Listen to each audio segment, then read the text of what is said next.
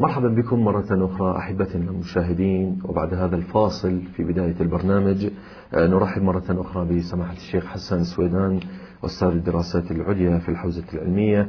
أهلا وسهلا بكم سماحة الشيخ. الله آه، سماحة الله الشيخ أعمالك. الله يتقبل أعمالكم إن شاء الله. آه، في الحلقة السابقة مجموعة من النقاط حاولت أن أدونها في مذكرتي هذه ومفكرتي هذه سأحاول أن أطرحها إليكم وإلى مشاهدينا الكرام. وإذا كان هناك نوع من ال- ال- التوضيح أكثر من هذه النقاط فإليكم الكلام إن شاء الله. كنا قد تناولنا خلاصات تقصدون؟ تقريبا يعني خلاصات تقريبا خلاصات. كنا تناولنا في الحلقة السابقة من هذا البرنامج مجموعة من النقاط التي دارت حول قضية ال- المهدي المنتظر في الآية المباركة الآية الشريفة من سورة النور آية 55 أعوذ بالله من الشيطان الرجيم. وعد الله الذين آمنوا منكم وعملوا الصالحات ليستخلفنهم في الأرض كما استخلف الذين من قبلهم وليمكنن لهم دينهم الذي ارتضى لهم وليبدلنهم من بعد خوفهم أمنا يعبدونني لا يشركون بي شيئا ومن كفر بعد ذلك فأولئك هم الفاسقون. تطرقنا إلى مسألة مهمة في قضية الاستخلاف وقلنا أنه على قسمين استخلاف تشريعي واستخلاف تكويني. وقلتم أن هذه الآية بالذات أشارت إلى الاستخلاف التكويني. فضلا عن است... أن الاستخلاف التشريعي هو أمر مفروغ منه في في هذه الآية أو في لأن المقام ال- يقتضي. المقام يقتضي. هذا لكم إن شاء الله. وأيضا حول قضية التمكين الديني تحدثنا بعض الشيء. حول أنه قضية التمكين الديني وأن الآية المباركة أشارت إلى أن الأرض سيرثها عباد اعتمد في بداية الآية الشريفة على أنه آمنوا منكم وعملوا الصالحات كلهم من هذه الأمة يعني. نعم من هذه نعم. من هذه الأمة ومن ثم قلنا أن هناك قضية قضية المهدي لها ارتباط وثيق بالعقيدة وتناغي الفطرة ولها جوانب جوانب عقيدية وجوانب مفاهيمية وجوانب تاريخية نعم. جوانب التاريخية قد قد تكون في قضية ولادة الإمام متى ولد من أبوه إلى هذه الوقائع. ال- الوقائع الموجودة نعم.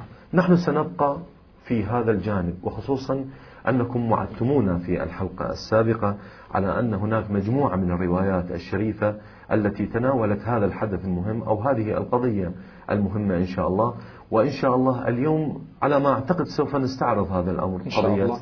الروايات الشريفة. هذا ما لدي آه، سماحة الشيخ. إذا كان لديكم أي أمر آخر توضحون هذا أكثر للمشاهد الحديث لكم. تفضل أعوذ بالله من الشيطان الرجيم. بسم الله الرحمن الرحيم. الحمد لله رب العالمين. وصلى الله على سيدنا ونبينا محمد وعلى آله الطيبين الطاهرين. سيما بقية الله في الأراضين روحي وأرواح العالمين لتراب مقدمه الفداء. ثم أتوجه إليكم بالتحية وإلى, وإلى أسرة البرنامج. الله يحفظكم شيخنا وأتوجه بالتحية العطرة إلى جميع الإخوة والأخوات المشاهدين. الحقيقة أن ما مضى في الحلقتين السابقتين نعم. حول هذه الآية الكريمة كان هو تأملات فيما تضمنته هذه الآية من دون الرجوع إلى الثقل الأصغر. نعم. ونحن على المستوى المنهجي. نرى في مدرسة أهل البيت عليهم السلام عليه السلام. أنه لكي نصل إلى التفسير الصحيح للقرآن الكريم يجب أن لا يكتفي المفسر بالاستظهار من الآيات. الكريمات. لأن في الآيات الكريمات تنزيلا وتأويلا. وفي الآيات الكريمات إشارات. وللقرآن ظهر وبطن. بل وبطون أيضا. في نعم. بعض الروايات في بعض سبع الروايات بطون. الشريفة نعم. في بعض الروايات إلى سبعين بطنا. نقل الإمام الحكيم رضوان الله تعالى عليه المرجع الكبير للطائفة السيد محسن الحكيم رضوان الله تعالى عليه عن بعض أساتذته أنه في إحدى السنوات في النجف الأشرف فسر آية من الآيات وبقي يفسر هذه الآية من بداية شهر رمضان إلى نهاية شهر رمضان كل ليلة يفسر هذه الآية بتفسير غير التفسير السابق. ما شاء الله ما شاء الله. وكلما هكذا يقول السيد الحكيم نعم نعم. رحمه الله. نعم. كلما فسر الآية بتفسير جديد كنا نشعر يقول. وكأن هذا التفسير هو الأصح والأصوب. لا إله إلا الله الحمد لله. في كل ليلة. الحمد لله. فكان هذا العالم الكبير من أساتذته أوتي علم باطن القرآن الكريم. من هنا الحقيقة أن منهجنا في مدرسة أهل البيت في تفسير القرآن الكريم هو أنه لا يمكننا أن نصل إلى التفسير الذي يصح السكوت عليه من دون الرجوع إلى العنصر والركن الثاني من ركني الأمان من الضلال عملا بقوله صلى الله عليه وآله في الحديث المتفق عليه بين المسلمين. نعم. إني تارك فيكم الثقلين أو الثقلين نعم. كتاب الله وعترتي أهل بيتي. ما إن تمسكتم بهما لن تضلوا بعدي أبدا من هنا انتهينا من التأملات السابقة إلى أن الآية الكريمة لم يتحقق الوعد الإلهي فيها بل سيكون تحققه في آخر الزمان على يد مخلص آخر الزمان. ومخلص آخر الزمان في الفكر الإسلامي العام بكل مدارسه وشعبه وفرقه. وهذا عماد كلام. متفق مم. على أنه مهدي هذه الأمة. بمعزل عن التفاصيل. ولد أو سيولد من هو الشخص بالدقة؟ وإن كان لنا كلام مفصل في كل نقطة وعشرات أمثال هذه النقاط. التي أشرنا حسب إليها تعبيركم المهدي الإسلامي. نعم. المهدي الإسلامي. آه، على هذا الأساس لابد لنا استكمالا للصورة. نعم. وانتهاء إلى المعين والنبع الأصيل. من بيان أنه كيف تعامل النبي والأئمة. صلوات الله وسلامه عليهم آه، مع هذه الآية في تفسيرها. نعم. أنا لا أزعم أنه وصل إلينا تفسير لكل آية آية من آيات كتاب الله عز وجل. ولكن لا شك أن هناك آيات فيها وقفات هامة للسنة الشريفة لأحاديث النبي والعتق الطاهرة. آه، وتعامل ومنهج تعامل النبي وأهل البيت عليهم السلام مع هذه الآيات على أشكال مختلفة لست فعلا بصدد الإفاضة والتفصيل في هذا الجانب نعم تفضل لكن أشير إشارة نعم. إلى أن تعامل ومنهج تعامل النبي والأئمة عليهم السلام مع الآيات تارة يكون على صعيد تفسير الآيات نعم. وبيان تنزيل الآيات.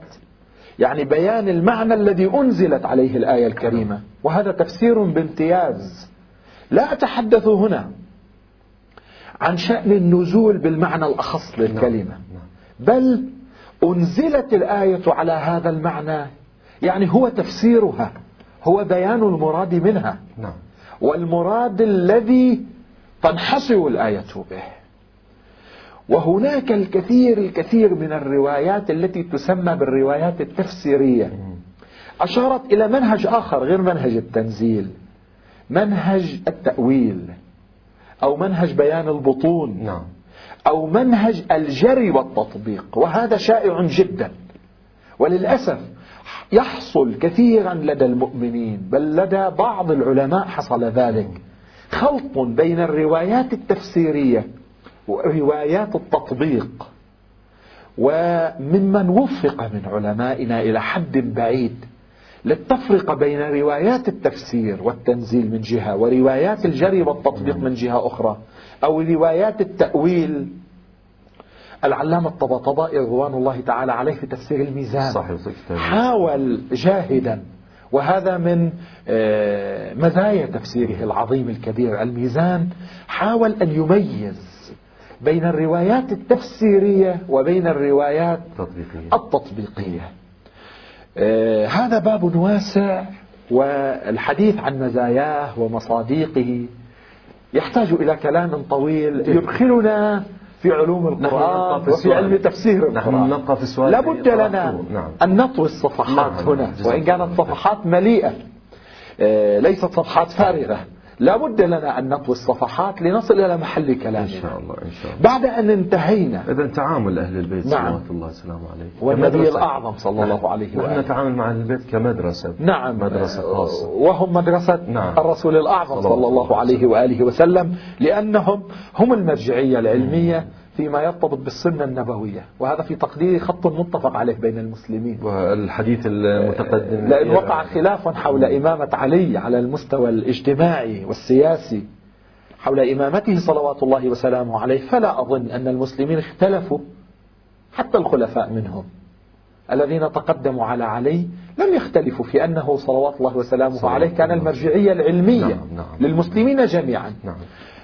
وأبناؤه صلوات الله وسلامه عليه الله حملوا نفس العنوان ونفس القضية كل في زمانه وعصره على رغم العداء الموجود ولكن كانوا يرجعون إليهم في كل إذا. بعد أن انتهينا إلى تفسير الآية وأن تفسيرها المنحصر في مخلص آخر الزمان الذي سيرث الأرض ومن عليها مهدي الأمة نعم. صلوات الله لا بد لنا من أن نستعرض الروايات الروايات في تقديري على قسمين. ذكرتم رواية في الحلقة نعم. السابقة. وأنا مضطر أن أشير إليها من جديد في هذه الحلقة. نعم، استكمالا للصورة الروائية. نعم نعم. وأيضا المشاهد يتابع الروايات على قسمين. قسم روايات عامة. نعم. روايات عامة لابد أن أعرضها في خدمة تفضل. آه، إخوتي وأخواتي المشاهدين. وقسم آخر روايات خاصة فيها مزايا خاصة هذه الروايات. أولا أبدأ مع الروايات العامة. إذا أمكن شيخنا سمعت شيخ آه، قضية أنه تبين الروايات العامة والخاصة. يعني الفرق بينهما لكي يتوضح. أقصد من الروايات العامة الروايات التي اكتفت بالحديث عن أن هذه الآية نزلت في المهدي أو في قائم آل محمد عليهم جميعا أفضل الصلاة والسلام. نعم. هذا ما أقصده من الروايات العامة. نعم، نعم. الروايات الخاصة بالإضافة إلى إفادتها لهذا المعنى العام. هناك معنى آخر. تفيد مزايا خاصة لا بد من الوقوف عندها جيد جيد. أنا في هذا القسم الأول من الحلقات. نعم. أحاول قدر المستطاع أن أمر على الروايات العامة وإذا كانت هناك إشارة. بل. في هذه الروايات العامة أشير إن شاء الله. جزاك الله الرواية الأولى من هذه الروايات العامة نعم. ما يرويه الشيخ الكليني في كتاب الكافي. رضوان الله الشريف. ومعلوم أن الكافي كما اشتهر كاف كافٍ لشيعتنا لشيعتنا. الكافي أعظم كتاب روائي عندنا في مدرسة أهل البيت عليهم السلام. الكافي صنف في عصر الغيبة الصغرى للإمام الحجة صلوات الله وسلامه عليه. لأن صاحب الكافي وهو أجل محدثينا صنف الكافي بشكل معجز على مستوى التنظيم والترتيب. وبقي في تصنيفه عشرين سنة. وجاءنا بكتاب هو في المقدمة يقول كاف في علوم الدين. يحتوي على الأصول والفروع والروضة روضة الكافي نعم الأصول يقصد منها أصول الدين وأصول الأخلاق وأصول التأريخ المربوط بأئمة أهل البيت والنبي الأعظم من قبل صلى الله عليه وآله وسلم. الفروع بيان علم الشريعة. الروضة, الروضة. مجموعة من ال- ال- ال- الخطابات النبوية أو العلوية أو المعصومية إن صح نعم. التعبير نعم، نعم. ومجموعة من الأحداث التي لا تنضبط تحت ضابطة واحدة فيها إشارات تأريخية إشارات من أصول الدين من مفاهيم الدين من فروع الدين. ثم سماه الروضة لأنه أحاديث لا تنضبط تحت ضابطة واحدة. لا نعم. تدخل في الأبواب السابقة لا في أبواب الأصول ولا في أبواب الفروع. نعم له باب خاص. آه، الكافي صنف في الغيبة الصغرى يعني ما بين ولادة الإمام المهدي صلوات الله وسلامه عليه. وما بين وفاة السفير الرابع لأن الشيخ الكليني أعلى الله مقامه الشريف توفي في السنة التي توفي فيها السفير الرابع علي بن محمد السمري رضوان الله تعالى سبحان الله. عليه. ومما وفق له الشيخ الكليني أنه عاش القسم الثاني من حياته ولعله القسم الذي ألف فيه الكافي أو صنف قسما كبيرا منه حتى تممه كان يعيش في نفس بلد السفراء في بغداد. في بغداد. الغراء. عاش هناك وتوفي هناك في عصر السفارة. وهذا آه، لا أدري هو من حسن الصدف أم من التدبيرات الإلهية. على كل حال هذا الكافي بإجماع تخرج هذه الأحاديث. علماء وشيعة أهل البيت. هو أجل كتاب عندنا بعد كتاب الله. وإن كان المشهور عندنا أننا لا نقول كما يقول غيرنا بأن كل كتاب الكافي صحيح صادر عن الأئمة عليهم جميعا أفضل الصلاة والسلام. هناك قول لبعض العلماء لكن لا يوجد قول آه، متفق عليه بأن هذا الكتاب كله صحيح. بل نظرية محققي علماء مدرسة أهل البيت عليهم جميعا أفضل الصلاة والسلام. ومشهور المحققين أننا لا نقول بأن كتابا من الجلد إلى الجلد هو صادر عنهم. بل لابد من التدقيق والتنقيص. نعم نعم. عموما كنت مضطر للإشارة. نعم جزاك الله في مقتبل هذا البرنامج وفي ثنايا البرنامج ستأتي كثير من الأحاديث معلومات جميلة معلومات. بإسناد ينتهي إلى عبد الله بن سنان الراوي الثقة الجليل نعم. الشهير. قال سألت أبا عبد الله عليه السلام. أبو عبد الله كنية الإمام الصادق الإمام الصادق نعم. عن قول الله جل جلاله وعد الله الذين آمنوا منكم إلى آخر الآية نعم. الكريمة. طبعا في الرواية جاءت الآية إلى آخرها لكن اختصارا أقول سألته عن الآية واكتفى قال هم الأئمة عليهم السلام. صلوات الله وسلامه نفس الرواية في كتاب تأويل الآيات وهو من مشاهير الكتب أيضا في مدرسة أهل البيت عليهم السلام لابن الحجام أو ابن الحجام على اختلاف في نعم. اسمه. قال نزلت في علي بن أبي طالب والأئمة من ولده عليهم السلام وعنى يعني الله سبحانه وتعالى به ظهور القائم عليه السلام. هذا نص. نعم نعم. والوقفة التي أقف عند الرواية فيها قال وعنى يعني الباري عز وجل به ظهور القائم. يعني الأئمة سيرثون الأرض من خلال وراثة الحلقة الأخيرة من حلقاتهم نعم. الدرة الأخيرة وهو الإمام. نعم. فبوراثة الإمام القائم عليه السلام كأنهم كلهم ورثوا الأرض. نعم. لأنهم بمثابة الشخص الواحد الذي ولد عندما ولد علي عليه السلام بل عندما ولد رسول الله صلى الله عليه وآله.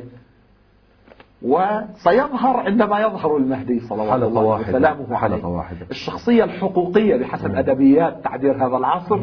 واحدة لهم من الأول إلى الآخر الوقفة المهمة قال وعنى به ظهور القائم نعم. ما قال ومن مصاديقها ظهور القائم قال عن الباري عز وجل هناك إشارة واضحة هذا يعني تفسير نعم. وليس تطبيقا نعم. وجريا يعني هذه الآية ليس لها مصاديق متعددة والقائم أحد مصاديقها نعم. أو من أبرز مصاديقها بل مصداقها الحقيقي هو القائم هو صلوات الله وسلامه صريح العبارة اللي عليه. تقدمت. الرواية الثانية الرواية أختارها من كتاب الغيبة للنعماني نعم. قبل الدخول يعني قبل الدخول نعم. إلى الرواية الثانية آه الآن تولد عندي سؤال وبالتأكيد لدى المشاهد الكريم. نعم.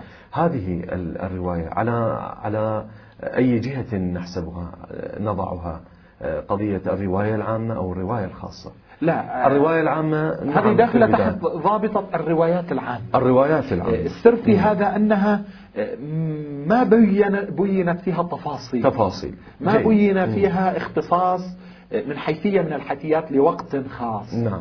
ما بينت فيها جهة خاصة فقط بين أن الآية نزلت في ظهور القائم الرواية الأولى الأئمة هم نعم. هم الأئمة صلوات الله وسلامه عليه وعني به ظهور القائم نعم. عليه السلام تفضل الشيخ الرواية الثانية من غيبة النعماني رضوان الله غيبة النعماني ونحن في مقتبل البرنامج أنا مضطر أن أشير إلى مزايا نعم. المصادر بس أنا جيت أقول لكم هذا أي. الكلام بلي. غيبة النعماني هي أهم وأقدم كتاب غيبة وصل إلينا م. مؤلفه الكاتب النعماني رضوان الله تعالى عليه وهو تلميذ الشيخ الكليني صاحب كتاب الكافي ما شاء الله. يعني عاش متواصلة. في عصر بدايات حياته كانت في عصر السفراء أيضا وفي بغداد. والمعروف هو بابن أبي زينب. آه الكاتب النعماني. وغيبته باتفاق علمائنا من أجل المصادر التي بحثت في الإمامة وبالأخص في إمامة الإمام الثاني عشر صلوات الله وسلامه عليه بإسناده إلى الإمام الصادق عليه السلام في معنى قوله. طلب المعنى نعم. نعم. عز وجل وعد الله الذين آمنوا إلى آخر الآية أيضا إيه، كل الآية ما يعني مذكورة نعم مذكورة الآية بكاملها نعم. في الرواية قال نزلت في القائم وأصحابه وأصحابه يعني هم الذين آمنوا وعملوا الصالحات الإمام والمأمومون نعم. لهذا الإمام المزية البارزة في هذه الآية قوله نعم. نزلت في القائم وأصحابه ما قال انطبقت نعم. نعم. قال نزل. نزل النزول غير التطبيق يعني المعني بها أولا وآخرا هو القائم وأصحابه لا منافاة بين هذه الرواية والرواية السابقة الرواية السابقة صحيح أنها قالت في الأئمة أو هم الأئمة نعم، نعم. لكن بينت نفس الرواية السابقة أن الأئمة معنيون بهذه الآية ببركة درتهم الأخيرة وعقدهم الأخير وهو الإمام نعم، الحجة. صلوات الله, صلوات الله وسلامه عليه. الرواية الثانية فورا ذهبت إلى بيت القصيد إلى أن الآية نزلت في الإمام القائم وفي أصحاب وفي الإمام أصحاب. صلوات الله وسلامه عليه. فبينت لنا نزولها في القائم وبينت لنا عنوان الذين آمنوا وعملوا الصالحات. أنهم الإمام والمأموم. ليست ناظرة إلى خصوص الإمام صلوات الله. وسلامه. عليه أحبتنا المشاهدين ابقوا معنا ولكن بعد هذا الفاصل.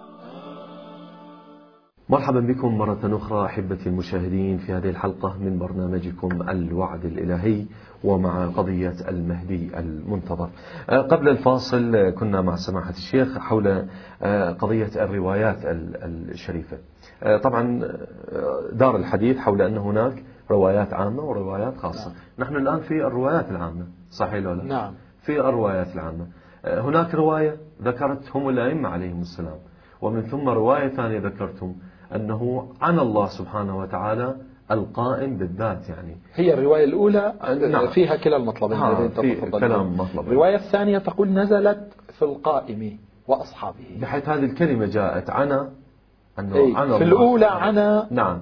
في الثانية نزلت في القائم. أنا قلت لا منافاة نعم. يعني قبل الفاصل. نعم. باعتبار أنه وإن عني بها. آه، أو نزلت في جميع الأئمة نزلت في جميع الأئمة لأجل قضيتهم المفصلية وهي نعم. ظهور القائم لأنه وعد كان ينتظره جميع الأئمة عليهم السلام وبشروا به وربوا أصحابهم آه، عبر العصور على انتظاره لأنه آه، فيه فرج محمد وآل محمد صلوات الله وسلامه عليهم أجمعين في غيبة النعماني ذكرتم رواية في نعم. كتاب غيبة النعماني أنه هناك تصريح ب آه، الإمام وأصحابه القائم نعم نزل الكلام لكم في القائم وأصحابه. نعم نعم. هذا نص آه، أنا كنت قلت آه، أكرر رواية الغيبة للشيخ الطوسي ولكن روايات كثيرة. نعم. الشيء الذي لفت نظري في هذه الآية تركيز. كتب الحديث أي تركيز الروايات وهو تركيز النبي وأهل البيت عليهم السلام على قضية ارتباط الآية بالإمام المهدي وأنه هو المصداق المنحصر لها. نعم.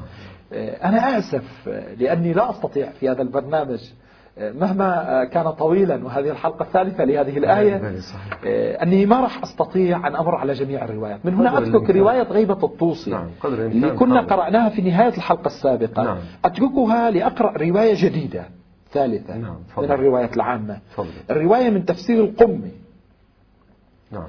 آه، عن أبي الجارود بسند ينتهي إلى أبي الجارود عن أبي جعفر الباقر عليه السلام. وأبو الجارود كان صاحب تفسير رواه آه، عن الإمام الباقر عليه السلام. آه، في قوله تعالى الذين إن مكناهم في الأرض أقاموا الصلاة وآتوا الزكاة وأمروا بالمعروف ونهوا عن المنكر. ولله عاقبة الأمور. قال وهذه الآية لآل محمد إلى آخر الآية. أكمل. يقول والمهدي وأصحابه يملكهم الله مشارق الأرض ومغاربها ويظهر الدين ويميت الله به وأصحابه ويميت الله به وأصحابه البدع والباطلة كما أمات السفهاء كما أمات السفهاء الحق. يعني قبل خروجه نعم نعم. لأن الأرض ستمتلئ ظلما وجورا حتى لا يرى أثر للظلم. أنا جبت هالرواية نعم. في تفسير الآية تحت عنوان الروايات العامة. لماذا؟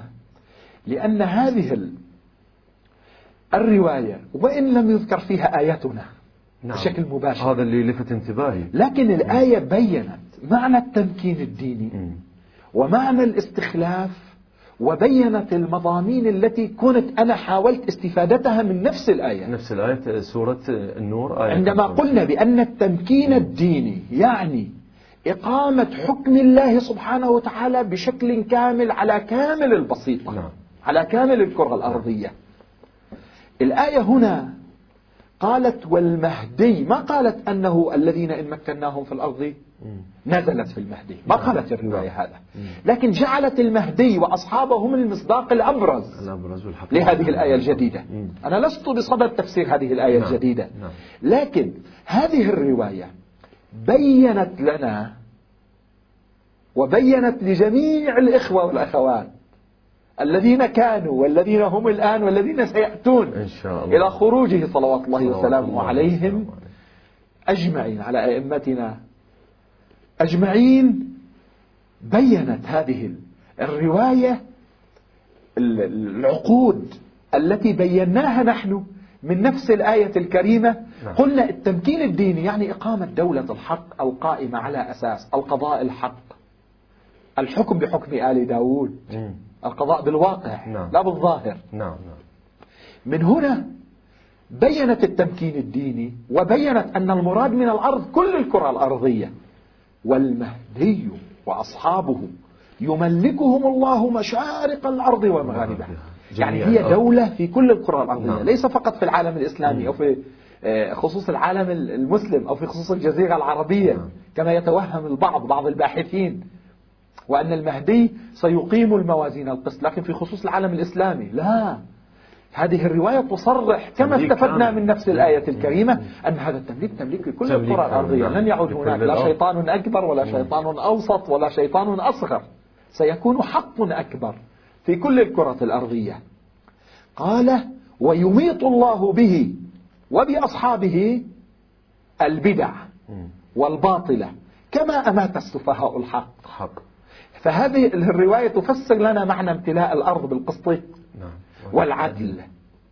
كما أمات السفهاء الحق وملا هنا السفهاء طبعا أعم من الكفار والمنافقين وإلى آخره. قال حتى لا يرى أثر للظلم. قد يكون هناك ظلم خاص متقوقع هنا أو هناك نعم، نعم. لكن لا يرى أثر للظلم. الشائع البارز السمة هي سمة الحق. إذا الرواية أشارت إلى نفس التفسير الذي استفدناه نحن من نفس الآية الكريمة. خصوصا هناك تمكين موجود. آه، في نعم. البحوث السابقة. رواية أخرى من نفس تفسير القمي. نعم. قال في قوله وعد الله الذين آمنوا نزلت في القائم من آل محمد عليه السلام. نفس الرواية أيضا أخرجها آه، المحقق الطبرسي إمام المفسرين في كتابه آه، مجمع البيان وأيضا وردت في مصادر أخرى لسنا فعلا بصدد الحديث عنها. لكن سمعت الشيخ أنا يعني عذرا أرجعكم إلى السؤال الأول. نعم. يعني هذه الروايات وإذا كان لديكم حديث آخر فيكون من ضمن طيات الحديث. يعني أهل البيت صلوات الله وسلامه عليهم هذه الروايات بالتأكيد هناك أسئلة معينة جاءتهم من خلال أصحابهم من خلال المشككين الموجودين في في عصر الإمام مثلا عصر الإمام الحجة صلوات الله وسلامه عليه من خلال السفراء.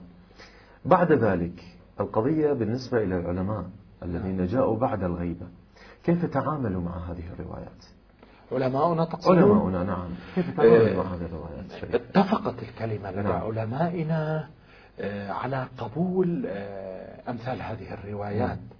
لا أقصد من هذا الكلام أن كل رواية رواية وردت في كتب الغيبة علماؤنا يعتقدون أنها صادرة نعم. لكن هناك روايات صحيحة سندا يعتقدون صدورها جزما نعم. نعم. هناك روايات ليست صحيحة سندا ولكن مستفيضة محتفة بقرائن توجب الجزم بصدورها. نعم. مثل الروايات الواردة في تفسير هذه الآية الكريمة. صحيح. إذا أردت أن تجمع الروايات آه، التي تصرح أو تلمح إلى أن هذه الآية نزلت في القائم عليه السلام تفوق العشرة 12 رواية. وهي روايات مستفيضة بل لا يبعد أن يقال هي في حكم الروايات المتواترة. لانسجام ما ورد فيها مع تفسير الآية بما هي هي فقد يقال إنها من الروايات المحتفة بالقرائن القطعية. نعم. وهناك روايات لا هي واضحة في النظر إلى القرآن الكريم ولا هي معتبرة سندان ولا هي متكثرة تحدثت عن تفاصيل الأحداث لا عن أمهات الأمور. هذه الروايات نحن لا نستطيع أن نجزم بصدورها. ولا نستطيع أن نجزم برفضها. برفضها نعم. بل نعمل بالقانون العقلاء العام مم. الذي أشار إليه آه، الشيخ الرئيس ابن سينا آه، عندما قال كل ما قرع سمعك فذره في بقعة الإمكان حتى يذودك عنه قائم البرهان كما أن القبول يحتاج إلى دليل الرفض أيضا يحتاج إلى دليل. فهالقسم الثالث الوارد في التفاصيل مثل بعض روايات علامات الظهور. علامات الظهور غير الروايات المشهورة مم. اللي هي في العلائم الحتمية. نعم. وهذا بحث سيأتي مفصلا إن شاء, إن شاء الله إن شاء الله إن شاء الله. إيه، الروايات التفصيلية التي أشارت مثلا رواية واحدة أشارت إلى علامة من علامات الظهور وليست صحيحة سندا. هذه لا نقبلها. بجدرس قاطع. لا نبني عليها عقيدة ومفهوم ديني. ولا نرفضها أيضا. لعلها كانت صادرة. عن الإمام صلوات الله وسلامه عليه. ونحن حذرنا من أئمتنا أن نتبرأ من رواية من رواياتهم إلا أن تكون مما خالف المسلم العقلي العام بديه العقلي أو صريح القرآن الكريم. لأنه إذا تبرأنا من أحد قالت لنا روايات عديدة جاءنا برواية لعلنا نتبرأ من إمامنا الذي قالها. نعم، إن نعم، كان قد قالها الإمام. فالرواية الضعيفة في الحقيقة. يعني الرواية غير المستجمعة لشرائط الحجية. لا نقبلها بضرس قاطع ولا نردها بضرس قاطع. نحن سنستفيد في مباحثنا في هذا البرنامج. إن شاء الله. من هذا النمط من الروايات لنستشرف آه، الواقع ونشير إن شاء الله, إن شاء الله. في الموارد التي نستطيع أن نبني عقيدة ومفهوم على الروايات وفي المقام الذي نتعامل مع الروايات كإشارات وإضاءات آه، لهذه القضية الهامة آه، من دون أن تصل وترقى إلى مستوى بناء المعتقد عليها. إذا نرجع إلى الروايات وهذه آه، أنا أحاول أن تكون من مزايا برنامجنا هذا لأنني بحسب ما رأيت في الغالب البرامج التي تعرضت لقضية الإمام المهدي عليه السلام سواء في الفضائيات أو في بعض المذايع إن صح التعبير وجدت آه، أنها في الغالب لا تميز فيختلط الحابل بالنابل ويضيع الأمر. كقضية حساسة والطامة الأعظم أخي العزيز وهذه قضية هامة أخاطب بها جميع الإخوة والأخوات المشاهدين. الطامة الأعظم أن أكثر ما صنف حول الإمام المهدي صلوات الله وسلامه عليه وبالأخص الموسوعات الكبيرة المتأخرة لم تميز بين الروايات التي يمكن الاعتماد عليها في هذه القضية الهامة وبين الروايات التي لا يمكن الاعتماد عليها. مشكلة يعني شيخنا إيه للأسف الشديد. يعني أنت الآن في الفقه مم. تجد علماءنا صنفوا كتب مضبوطة على المستوى الفقهي. لا تقبل آه، التلاعب والتزوير نعم. وإلى ما هنالك. نعم. إيه تجد أنهم نقبوا عن الأحاديث بين الحديث المعتبر من غير المعتبر. آه، في التراث العقائدي بالمقدار الذي دخل في كتب الكلام أيضا ميز علماؤنا آه، وصنفوا كثيرا في الروايات العامة العقائدية العامة أو المفاهيمية العامة قلما محصت الروايات على مستوى الأسانيد والدلالة من هذه القضايا التي قلما محصت الجمع الكبير الذي حصل لروايات المهدوية نعم. نعم. من كتب الشيعة والأكثر من كتب السنة أشرنا نحن في حلقة سابقة لقضية كتاب التشريف بالمنن المعروف بالملاحم والفتن نعم للسيد ابن طاووس وأنه جمع وهو قال نعم. بأن هذا جمع للغث والسمين. أنا لا أتحمل مسؤولية أي رواية. أنتم كمحققين حققوا من هنا لابد من أن نعطي للتحقيق دوره آه، وللتدقيق دوره في الأسانيد والدلالة عندما نتحدث. أنا مثلا في هذه الروايات لم أهتم كثيرا بالأسانيد. لماذا؟ لأن الروايات كثيرة جدا. مستغنية عن أن نتحدث في أسانيدها. نعم. وهي مطابقة تماما لما استفدناه من الآية بما هي هي. بمعزل عن الروايات. فنحن لسنا بحاجة هنا للتدقيق في كل سند سند من أسانيد هذه آه، الروايات. سماحة الشيخ طبعا أعذرني مرة أخرى وأنا أذهب إلى فاصل ومن ثم أعود إليك لنكمل هذا الحديث سرعان ما تأتينا الفواصل. الوقت بعد الوقت شيخنا. آه، أحبتي المشاهدين نذهب معكم إلى فاصل قصير ومن ثم نعود لمواصلة حديثنا الذي بدأنا به. فابقوا معنا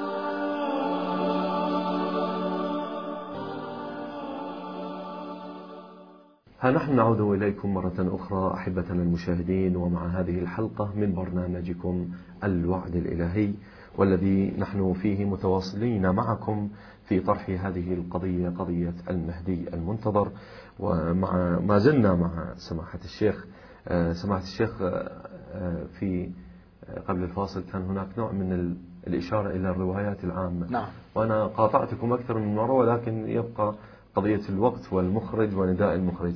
تفضلوا إذا كان لكم كلام في قضية الروايات العامة. ذكرتم نعم. تفسير نعم. القمي؟ هناك نعم مرت مرت روايات نعم نعم من تفسير القمي.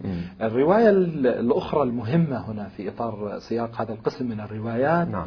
والذي أجد من المناسب جدا أن أذكر هذه الرواية الإخوة والأخوات. مع عذري طبعا لهم أني ما راح أذكر كل الروايات العامة لأنها متعددة هذه نعم الروايات. من السوف يعني. آه، ومضامينها تقريبا متقاربة. إن شاء الله. تفضل. آه، فانتخبت الروايات اللي فيها مغزى خاص أو مضامين نعم. خاصة. الرواية واردة في كتاب الاحتجاج الشريف هذا الكتاب الجليل للطبرسي. رضوان الله تعالى نعم. عليه. آه، رواية وتعلمون أن الكتاب الاحتجاج حذفت منه الأسانيد للأسف الشديد. ولكن هناك جملة من علمائنا يعتقدون بصحة كل روايات الاحتجاج. كل الروايات؟ نعم.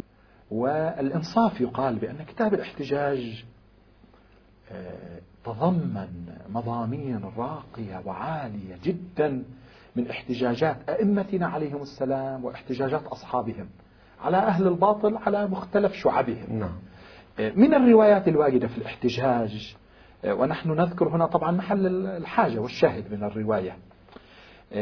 عن أمير المؤمنين عليه أفضل الصلاة والسلام. طبعا إذا أحد من الإخوة يحب يراجع الاحتجاج الجزء الأول صفحة 256 الجزء الأول صفحة 256 عن أمير المؤمنين نعم. علي عليه السلام من حديث طويل قال فيه كل ذلك لتتم النظرة التي أوحاها الله تعالى لعدوه إبليس. إلى أن يبلغ الكتاب أجله. ويحق القول على الكافرين. ويقترب الوعد الحق الذي بينه في كتابه. إذا هناك وعد حق خاص نعم. يتحدث عنه الإمام عليه السلام ويقول بأن الله عز وجل بينه في كتابه. هذا الوعد. جيد. وحاشا لله أن يهمل في نعم. كتابه قضية هامة حساسة كهذا الوعد. بقوله وعد الله الذين آمنوا منكم وعملوا الصالحات ليستخلفنهم في الأرض كما استخلف الذين من قبلهم. وذلك إذا لم يبق من الإسلام إلا اسمه. ومن القرآن إلا رسمه انظر للطافة البيان نعم. لسيد البيان. صلوات الله وسلامه عليه. أفضل الصلاة والسلام. ما ذهب مباشرة إلى المهدي عليه السلام؟ بدأ يبين الظروف الموضوعية التي تكون سائدة في الزمان وفي الأرض عندما سيتحقق وعد الله سبحانه وتعالى. مهد لهذا الأمر؟ قال هذا الوعد سيكون. متى؟ إذا لم يبق من الإسلام إلا اسمه. وزماننا كذلك. نعم. أو شارف أن يكون نعم. كذلك. ومن القرآن إلا رسمه. كتعاليم كقيم كمعتقدات. لم يعد هو الذي يطبق في الكون. سوى ثلة نادرة من الصلحاء. لو خليت لساخت بأهلها. ومن الدين إلا ومن القرآن إلا رسمه وغاب صاحب الأمر. لماذا غاب؟ وغاب صاحب الأمر بإيضاح الغدر له المقصود من إيضاح الغدر بظهور الغدر له هنا تغير سياق الحديث. نعم. يعني في هذه وصل وصل الإمام نعم. عليه السلام إلى بيت القصيد. مم. أولا سيقول هناك صاحب أمر. نعم. هو الإمام المعصوم عليه نعم. السلام. نعم. وسيغيب. السؤال البارز نعم. لماذا يغيب؟ إذا إمام معصوم هدفه آه، إشراق الأرض آه، بنور ربها له تطبيق الدين. لماذا يغيب؟ قال وغاب صاحب الأمر بإيضاح الغدر. له في ذلك لماذا؟ لاشتمال الفتنة على القلوب. ليست فتنة الاختلاف بين الناس. هذا يحتاج إلى توضيح سماحة الشيخ آه، بإيضاح الغدر. نعم. ليست فتنة الاختلاف بين الناس. نعم. وإن طائفتان من المؤمنين اقتتلوا اقتتلوا فأصلحوا, فأصلحوا بينهما. وإن طائفتان من المؤمنين اقتتلوا فأصلحوا بينهما, بينهما إلى آخر الآية. هنا الحديث عن فتنة أخرى.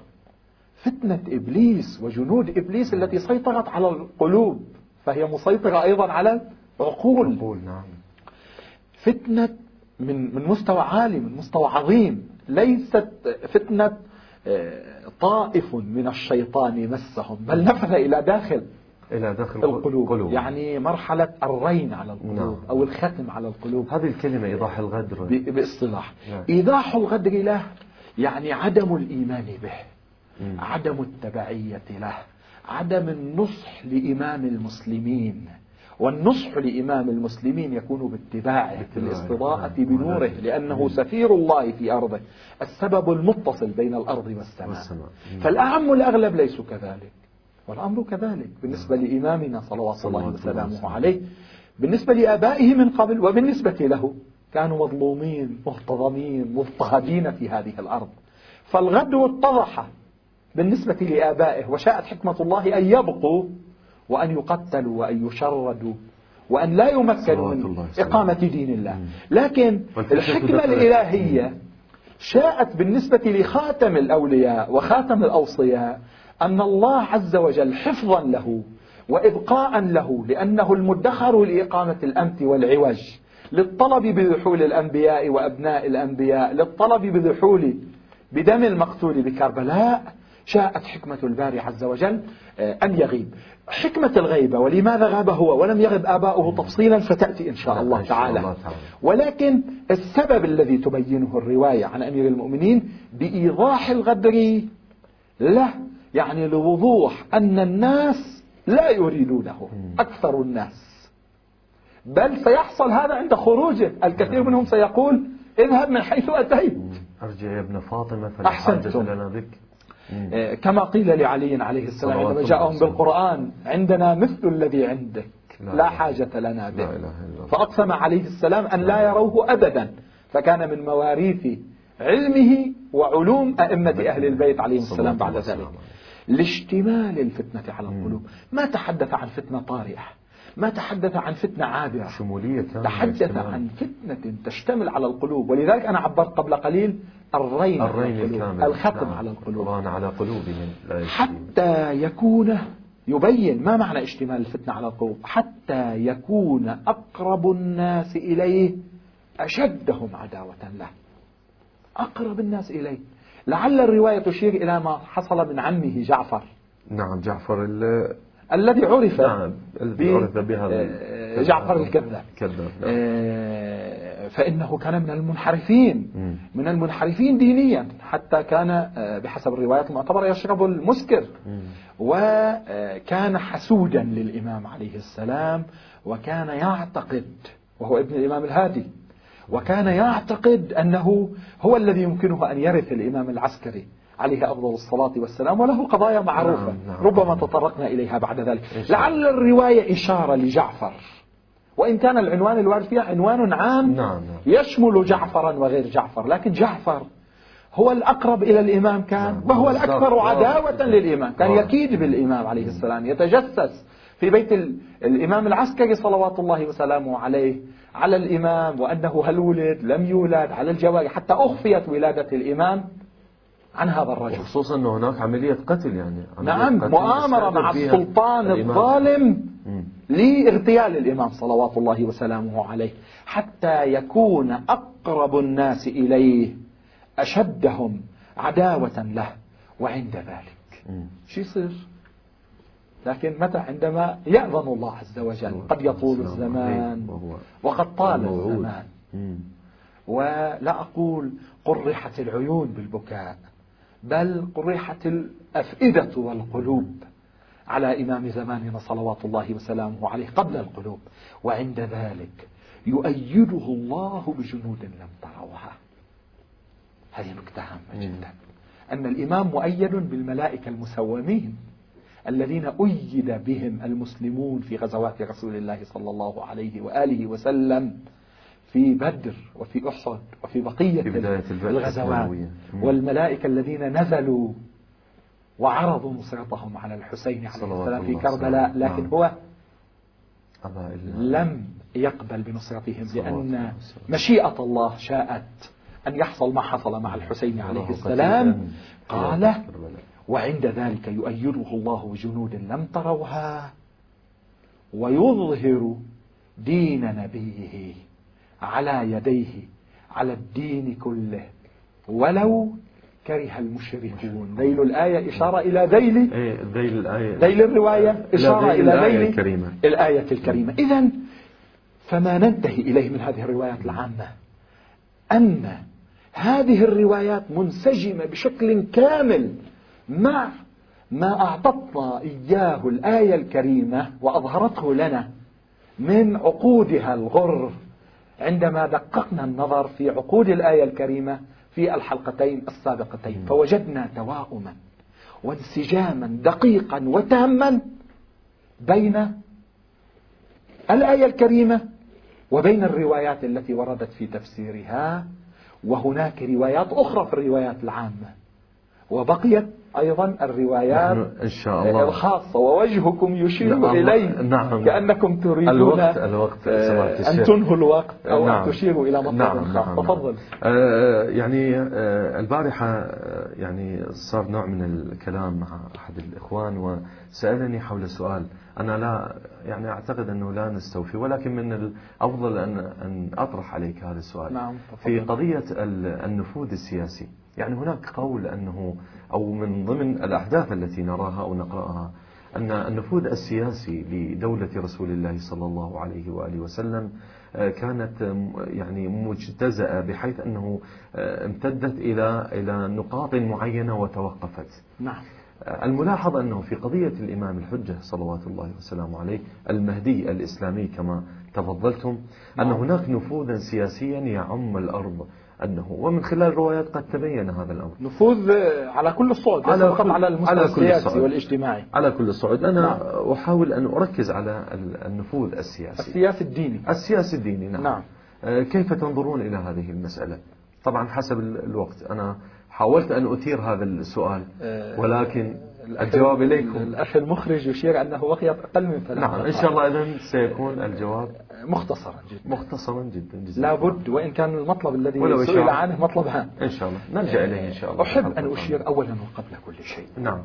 حتى لا يصطاد أحد في الماء العكر. نعم. آه، من غيرنا طبعا. آه، أحب قبل كل شيء أن أشير إلى أنه مهما مجدنا المهدي في مدرسة أهل البيت والذي مجده هو ربه. وهو سيده وسيدنا رسول الله صلى الله عليه وآله قبل كل شيء. ومهما مجدنا دولته وتحدثنا عن معالمها هذا لا ينبغي أن يولد أي شبهة عند أحد.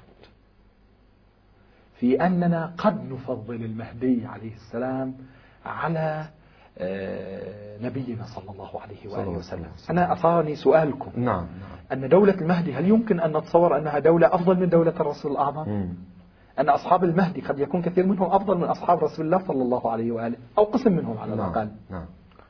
نقطة لطيفة. الحقيقة هذا قادني الآن إلى تشعبات لكن أشير الآن في دقيقة متبقية لعله إن شاء الله. أشير إلى أنه ما نذكره من مقامات لدولة المهدي عليه السلام أو للمهدي لا ربط لها بالتفضيل الشخصي في المقايسة. بين أحد المهدي أو سيد المهدي علي نعم. عليه السلام وبين رسول الله صلى الله عليه وآله. المسلم عندنا الذي لا ريب ولا شك فيه أن رسول الله صلى الله عليه وآله هو أفضل البشرية وأفضل البرية وأفضل من خلق الله سبحانه وتعالى من جميع مخلوقات حتى الملائكة المقربين. على الإطلاق ولا نساوي برسول الله صلى الله عليه وآله وسلم أحدا. صحيح أن عليا نفسه. نعم. ولكننا نعتقد في مدرسة البيت بالتفضيل لرسول الله صلى الله عليه وآله. وعليه هو القائل أنا عبد نعم. من عبيدي. نعم محمد, محمد صلى الله عليه وآله وسلم.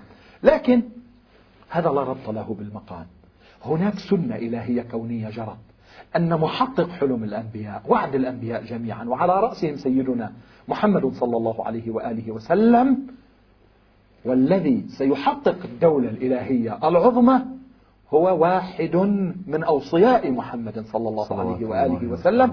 وهو آه، الإمام المهدي. وهذا في تقديري ليس خاصا بمدرسة أهل البيت عليهم السلام. كل المسلمين يعتقدون أن المهدي أيا كان هو الذي سيحقق دولة العدل الإلهية في آخر الزمان. بعيدا عن فالنفوذ نعم. السياسي والاجتماعي وإلى آخره ليس مستهجنا. أن لا يتحقق في زمن النبي عليه السلام بشكل كامل كما لم يتحقق بشكل كامل في زمن نوح وفي زمن إبراهيم بجميع آه وإلى ما هنالك وفي زمن نعم. عيسى على نبينا وآله وعليهم جميعا أفضل الصلاة والسلام.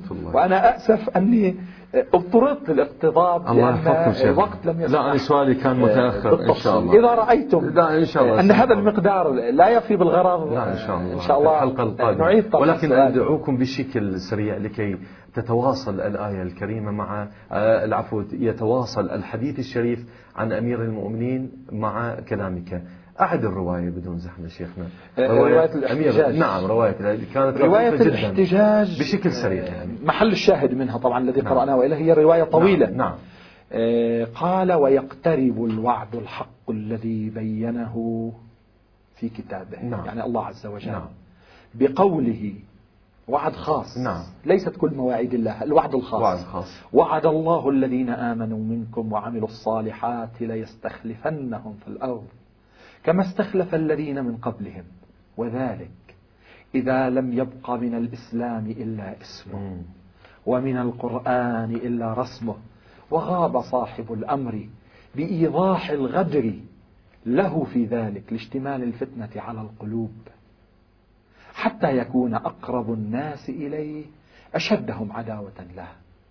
وعند ذلك يؤيده الله بجنود لم تروها. ويظهر دين نبيه صلى الله عليه وآله على يديه على الدين كله. ولو كره المشركون. الشكر الجزيل إليكم سماحة الشيخ. أنا آه، يعني ردت أنه بالنهاية أنه تكون هذه الرواية اللطيفة الجميلة. طبعا للأسف ما انتهى البحث حول الآية الله. نود لا إحنا إنهاءه في هذه الحلقة أنا أعدك من جانبي في الحلقة القادمة. إن شاء, إن شاء الله, الله. سنتناول هذه ولكن أردت أنه تواجه المشاهد الكريم بأسلوبك اللطيف هذا. شكرا جزيلا. حياكم لكم الله. سماحة الشيخ. وأشكر جميع الإخوة والأخوات المشاهدين على صبرهم. الله يحفظكم. ومح... وتحملهم ومتابعتهم لنا إن شاء الله في فائدة إن شاء الله. آه، الشكر الجزيل لكم سماحة الشيخ حسان السويدان ولنا لقاء آخر إن شاء الله في حلقة الله. أخرى من هذا البرنامج. آه، أحبتنا المشاهدين أتقدم إليكم بالشكر الوافر لمتابعتكم لهذه الحلقة من برنامجكم الوعد الإلهي. أنا أعدكم وسماحة الشيخ يعدكم أيضا بمواصلة هذه الحلقات التي تتحدث عن قضية المهدي المنتظر. في نهاية هذه الحلقة هذا مقداد الخفاجي يحييكم. أستودعكم الله والسلام عليكم ورحمة الله وبركاته.